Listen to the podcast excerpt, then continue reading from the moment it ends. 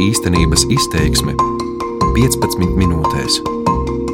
Starp valdības konceptuāli atbalstītajām 2020. gada budžeta prioritātēm ir paredzēti līdzekļi arī Latvijas vēstniecības Austrālijā izveidei. Zemes dienvidu puslodē esošā valsts latviešiem varētu šķist kā ļoti tāla un salīdzinoši sveša zeme, kas kādam varbūt varētu asociēties ar ķēnguriem, kādam ar Sidnejas operas namu. Taču tieši Austrālija ir bijusi viena no tām valstīm, ko Latvijas ārlietu ministrija minējusi kā vēlamo nākamās Latvijas vēstniecības izveidas vietu. Kāds labums no šīs vēstniecības atvēršanas Austrālijā mītošajai diasporai un kāpēc tā nepieciešama Latvijā dzīvojošajiem cilvēkiem? To raidījumā īstenības izteiksme centīšos noskaidrot es, Rihards Plūme. Indijas un Klusā okeāna ieskautajā Austrālijā mīt vairāk nekā 26 miljoni iedzīvotāju, un tā ir vienīgā valsts pasaulē, kuras teritorija aizņem visu kontinentu, ja vairāk nekā 7,6 miljonus kvadrātkilometru. Latvijas sadarbība ar šo tālo zemi līdz šim vērtējama kā mazaktīva. Lai gan mūsdienās iespējams nokļūt teju jebkurā zemeslodes nostūrī, tam par iemeslu varētu būt tieši lielais attālums starp abām valstīm.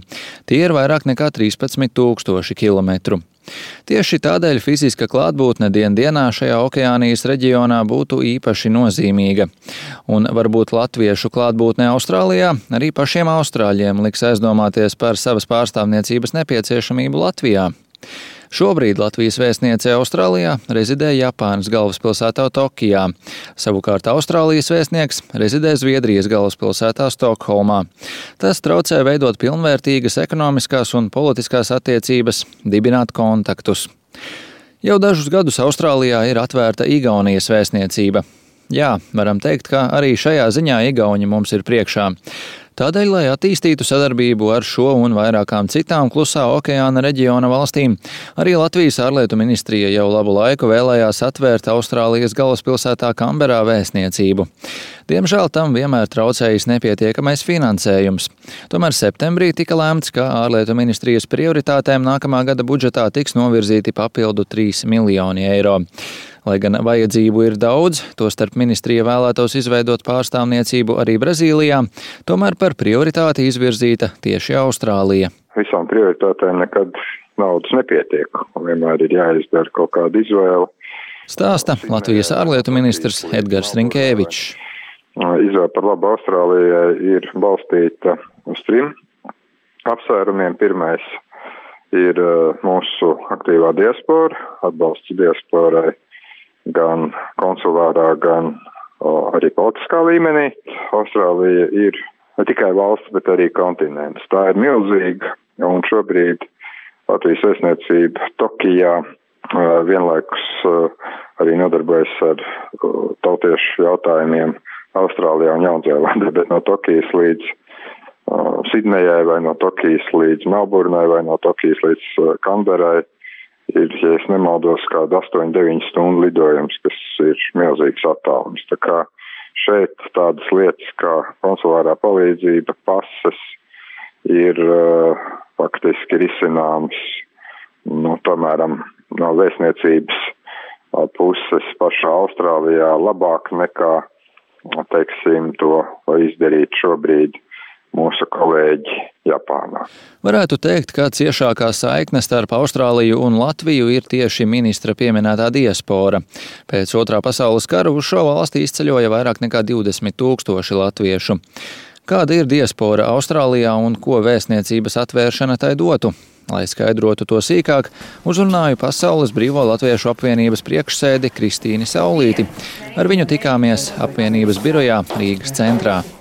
Ja mēs runājam par aktīvo daļu, tad tā ir lielākoties um, lielajos latviešu centros, kas ir lielajās Austrālijas pilsētās, kas ir Sidneja, Melburna, Adelaide, Brisbane un arī Pertā. Viņa uzsvēra, ka diaspora ir ļoti aktīva un organizēta. Aptuveni 5000 cilvēku mājās sarunājoties latviešu valodā, savukārt par piederīgiem Latvijai sevi uzskata aptuveni 20 tūkstoši. Ir izveidotas latviešu skolas, vidusskola, vasaras skola, baznīcas un latviešu nami. Īpaši iecienītas tautiešu vidū ir 18. novembra svinības, uz kurām nesot grūti sapulcināt pat 400 cilvēku. Tā kā rosība tur ir liela, un es teiktu, jā, nu, viena no aktīvākām, ļoti aktīvām diasporas daļām vai ārpus Latvijas latviešu dzīvojušiem vispār. Un arī ļoti politiski aktīvi. Teiksim, ja mēs skatāmies pēc pēdējām saimnes vēlēšanām, tad dati tieši uzrāda, ka visaktīvākie procentuāli tieši bija Austrālijas latvieši. Vēstniecības atvēršana diasporai bijusi ļoti aktuāla jau vismaz desmit gadus, skaidroja Saulīte, norādot, ka ieguvumus no pārstāvniecības klātbūtnes varētu dalīt divās daļās. Viena no tām ir emocionālā puse. Tā ir arī cieņa, cieņa pret tiem cilvēkiem, pret tiem tautiešiem, kas tur dzīvo un kas ļoti nes Latvijas vārdu tieši Austrālijas sabiedrībā un arī tāpat tās Jaunzēlandē un vispār visā tādā reģionā. Tas ir kā sava, sava veida, nu, tas ir arī gan fizisks, gan emocionāls atbalsta punkts. Tā, tā sadarbība. Un tā ir tā piederība arī, ka Latvija pasaka, ziniet, jūs mums arī esat svarīgi. Nu, jūs esat daļa, daļa no mums. Tas nav gluži kā Mēs jūtamies pilnīgi aizmirsti, teiksim, bet mēs paši ļoti rūpējamies par to saiknes uzturēšanu. Kā jau iepriekš minēja ministrs, neapšaubāmi ir arī praktiski ieguvumi. Līdz šim atbalstu tautiešiem uz vietas snieguši pieci goda konsuli, tomēr tiem ir ļoti ierobežots sniedzamo pakalpojumu lokus. Uz šo reģionu arī rīkoti mobilie pasu darbstaciju izbraukumi, tomēr tie nenotiek bieži. Lai iegūtu personu apliecinošu dokumentu, cilvēkiem šobrīd jāmēro vairāki tūkstoši kilometru līdz Latvijas vēstniecībai Japānā. Kaut ko vispār vajag kārtot, tas ir, ir, ir nu, principā neiespējami. Agrāk tas bija Londonā, kas bija vēl tālāk. Nu, mēs esam tagad pagājuši uz Tokiju, tad cerams, ka nākošā būs mūsu galvaspilsēta, kas ir Canberra. Tagad varēs, nu, uz vietas varēs teiksim, pieteikties Canberrā un, un, un atjaunot pasi vai uh, pieteikties pie, pie pilsonības. Jo tas joprojām mēs to darbu ļoti aktīvi veicam un joprojām kūrējam to, ka visi tie, kas var, lai piesakās pie Latvijas pilsonības. Saulīte Austrāliju raksturoja kā attīstītu, gudru un bagātu valsti. Tādēļ arī Latvijas vēstniekam vajadzētu būt ar pieredzi, ļoti labu angļu valodu, kā arī izpratni un interesi par reģionu. Viņa pauda pārliecību, ka vēstniekam Austrālijā būs ļoti daudz darba, jo pirmajos darba mēnešos viņš būs īpaši pieprasīts diasporas cilvēku vidū. Pašā sākumā noteikti varētu sagaidīt, ka būs ļoti liela tieši darbs ar vietējiem latviešiem, kur cilvēki gribēs redzēt, gribēs, visi būs sajūsmā, ka beidzot tur pārstāvis vai pārstāvē ir. Un noteikti gribēs kādu gabaliņu no šīs personas. Tā kā darba tur būs atliku likām ļoti daudz. Savukārt Latvijas ārlietu ministrs Edgars Rinkēvičs vēl nevēlējās apspriest iespējamā vēstnieka kandidatūru. Kamēr valsts prezidents oficiāli nepasniedz akreditācijas rakstu vēstniekam, mēs nekad neapspriežam vēstnieku kandidatūras, un arī šoreiz es šo procesu gribētu paturēt atbilstoši likumiem un tradīcijai, kāda mums ir izveidojusies zināmā noslēpumā. Atgriežoties pie ieguvumiem, Pasaules Brīvo Latviešu apvienības priekšsēde neslēpa, ka tādi būs ne tikai diasporai, bet arī Latvijai. Bet es domāju, Latvija kā valsts būs tieši ļoti liela ieguvēja būvējot nu, vispār iesākot, es teikšu, pavisam godīgi, iesākot veidot attiecības ar Austrāliju un ar Jaunzēlandi. Jo attiecības, nu, tu nevari cilvēku vai tāpat zemi iepazīt pa gabalu. Un tu nevari um, veidot attiecības pa gabalu. Un, un tā, tās iespējas, tas potenciāls ir ļoti liels un pilnīgi neapzināts. Tas pavērs atkal pavisam citu izpratni par to, kas mēs esam, nu, kā, kā Latvija un ko mēs varam piedāvāt vispār. Un to, to, to iespēju ir ļoti daudz. Arī Rinkēvičs minēja vienu no ieguvumiem Latvijas iedzīvotājiem. Tiem Latvijas pilsoņiem, kas varbūt apceļo kādu reģionu valsti un kuriem rodās kādas problēmas, vai nu pazaudēta pase, vai ar tiesību sargiem, vai nu, kāds arī, diemžēl, nelaimes gadījums Protams, ka šī pakalpojuma kvalitāte uzlabosies, ko mēs sniedzam, jo nebūs, kā jau es teicu, kaut kur jāgaida palīdzība no tālās Japānas vai vēl tālākās Rīgas, eh, bet būs iespēja tomēr nu, viņu saņemt gan laika zonai, gan tāpai atbilstošā veidā. Un arī nebūs jāvēršās vai jāmeklē goda konsulu vai attiecīgi kādas Eiropas Savienības valsts atbalstu. Tomēr, pēc ministra domām, šis ieguvums nebūtu nav vienīgais. Otrais ir ekonomisko saišu stiprināšana ar reģionu, sevišķo informācijas tehnoloģiju un jauno ekonomisko nozaru plāksnē, izvērtējot uzņēmēju interesi, izvērtējot arī ekonomikas ministrijas viedokli. Austrālija tika minēta kā prioritāra, bet lielā mērā tieši tāpēc, ka mēs redzam tur labu potenciālu, bet attālumu dēļ, informācijas trūkuma dēļ, tādēļ, ka nav faktiski cilvēku uz vietas, šīs iespējas mums iet garām. Tā kā šī lielā mērā ir arī iniciatīva, kas ir atbalstīta nu, teiksim, no nozaru kolēģiem. Patiesi, starp abām valstīm pastāv ne tikai mazaktīva politiskā sadarbība, arī ekonomiskie sakari šobrīd ir ļoti ierobežoti. Būtībā ekonomiskā sadarbība ar Austrāliju ir ievērojami uzlabojama arī Eiropas Savienības mērogā. Tādēļ pērn tika sāktas sarunas par Eiropas Savienības un Austrālijas tirdzniecības līgumu. Austrālija ir bloka 18. lielākais tirdzniecības partneris, un pirms diviem gadiem tirdzniecība šo pušu starpā veidoja vairāk nekā 47 miljārdus eiro. Lai gan Latvijas uzņēmumi uz Austrāliju eksportē gan koku materiālus un elektriskās ierīces, kā arī mašīnas un mehānismus, tomēr, ieklausoties datos par tirdzniecības apjomu starp Latviju un Austrāliju, šķiet, ka potenciāls tiešām vēl ir liels. Nu, ar pašu Austrāliju Latvija uh, ir pavisam neliels tirdzniecības apgrozījums. Situāciju ieskicēja Latvijas Investīciju un attīstības aģentūras ārējās tirdzniecības veicināšanas departamenta direktore Aija Jaunzeme. Eksportējam mēs salīdzinoši nedaudz. 0,2% no visas Latvijas kopējā eksporta vai 28,3 miljonu eiro.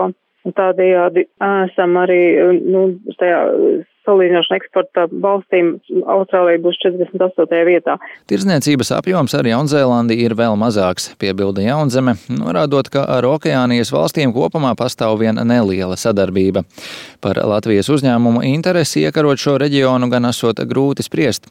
Tas tādēļ, ka daļa uzņēmēju aģentūrā meklē palīdzību, tomēr nereti jaunu biznesa partneru atrašanā lietā tiek likti arī pašu spēki. Mums tieši ar Austrāliju mēs neesam saņēmuši ļoti daudz dažādu pieprasījumu pieprasījums.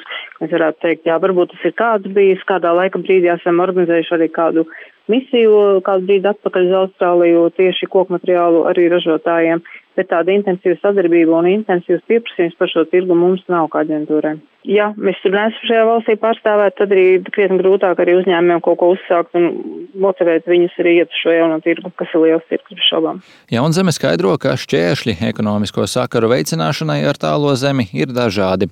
Tajā skaitā ministra pieminētais attālums un informācijas trūkums. Pirmkārt, jau, protams, ka tas ir attālums, lai kaut ko eksportētu, cenas būtiski auga. Otrs arī, ja, kad uh, kopmateriāli Austrālija arī pati tā iepērk no citām valstīm un arī pat eksportē. Un otra lieta arī, protams, protams, informācija par tirgu. Jā, jo uzņēmumi, protams, ļoti piesardzīgi izvēlas iet jaunos tirgos, ja viņiem iet darījumi tuvākajos tirgos, kā Eiropā, un tajā brīdī, kad Eiropa, protams, sāk sabranzēties, tad arī interesi pieļauj, ka pat tālākiem tirgiem pieaugs.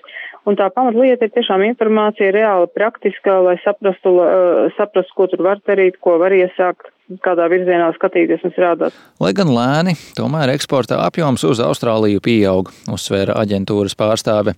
Atzīstot, ka tirzniecības attiecības un uzņēmumu informētību varētu veicināt tieši vēstniecības klātbūtne. Kā būtisku atbalsta punktu uzņēmējiem Jaunzeme minēja arī lielo diasporu. Tas ir uh, cilvēku lokus, ar, ar kuru varētu strādāt, ar kuru varētu strādāt, pirmkārt, lai iet Austrālijas tirgu, un otrkārt arī risināt viņu dažādas jautājumus tam visam ir vajadzīgs laiks, bet es domāju, ka ņemot vērā šo lielo diasporas apjomu, bez šaubām ir, ir noteikti punkti un cilvēki, ar ko šo sadarbību aktivizēt. Un, ja ir vēstniecība, kas šo te visu arī kaut kādā mērā daudz aktīvāk un vairāk koordinē, tas noteikti arī palīdzētu. Esam aplūkojuši gan ieguvumus diasporai, gan Latvijā mītošajiem cilvēkiem. Tomēr ministrs vērsa uzmanību uz trīs iemesliem, kādēļ tieši Austrālija izvēlēta par vietu nākamās pārstāvniecības atvēršanai. Viņa prāt, fiziskā klātbūtne šajā reģionā palīdzēs arī saistībā ar Latvijas kandidēšanu uz apvienoto nāciju organizācijas drošības padomes nepastāvīgās locekles amatu 2025. gadā. Mums ir šobrīd uh, padomā, ka šī vēstniecība būs ne tikai Austrālijā, bet būs nerezidējošā vēstnieka status no vēstniekam Austrālijā, gan Jaunzēlandē, gan uh, aptuveni nu, līdz desmit salu valstīm, kuras varbūt daudziem liekas mazas un ko nu tur var no viņām iegūt, bet kurām katrai ir viena balss ANO ģenerālajā asamblējā, un katra balss šādos balsojumos ir ļoti nozīmīga. Tā kā šeit nevar domāt, ka mēs vienreiz tiekamies ar kādas salu valsts ārlietu ministru. Tagad vienojamies par savstarpēju atbalstu kādā balsojumā, un ka bez atgādinājuma, bez rūpīga ikdienas diplomātiskā darba, piecu gadu vai divu gadu laikā, vienalga, ka šīs tikšanās notiek, šis atbalsts arī saglabāsies. Kaimiņu valsts Igaunija šogad jau tikusi ievēlēta par ANO drošības padomas nepastāvīgo dalību valsti un no janvāra darbosies tajā nākamos divus gadus. Ministrs atgādināja, ka Austrālijā jau darbojas kaimiņu zemes vēstniecība un ministrija vērojusi Igauņu īstenoto kampaņu centienos tikt ievēlētai padomē. Secināts, vēstniecības klātesamība šī mērķa sasniegšanā izrādījusies ļoti vērtīga. Rinkēvičs arī piebilda, ka arī Lietuvai esot padomā atvērt savu pārstāvniecību Austrālijā, un iespējams tas arī notiks nākamgad.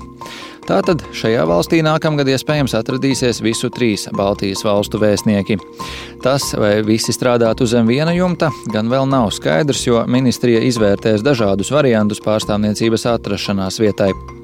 Aptuveni skaidrs gan ir viens. Vēstniecības atvēršanai nākamgad nepieciešami 1,7 līdz 1,8 miljoni eiro, bet tās uzturēšanai nākamajos gados nedaudz virs miljona. Ja viss noritēs gludi un līdzekļi tiks piešķirti, plānots, ka nākamā gada pavasarī Kanberā ieradīsies pirmie diplomāti, bet līdz 2020. gada beigām vēstniecība jau būtu oficiāli atvērta. Varbūt pavisam drīz Kanberā, visā Austrālijā un Klusā okeāna reģionā latviešu, lietuviešu un igauņu valodu varēs dzirdēt biežāk, un triju Baltijas valstu vārds pasaulē skanēs daudz tālāk un spēcīgāk. Redījumu īstenības izteiksme veidoja Rihards Plūme, par skaņu rūpējās Kaspars Groskops. Īstenības izteiksme 15 minūtēs.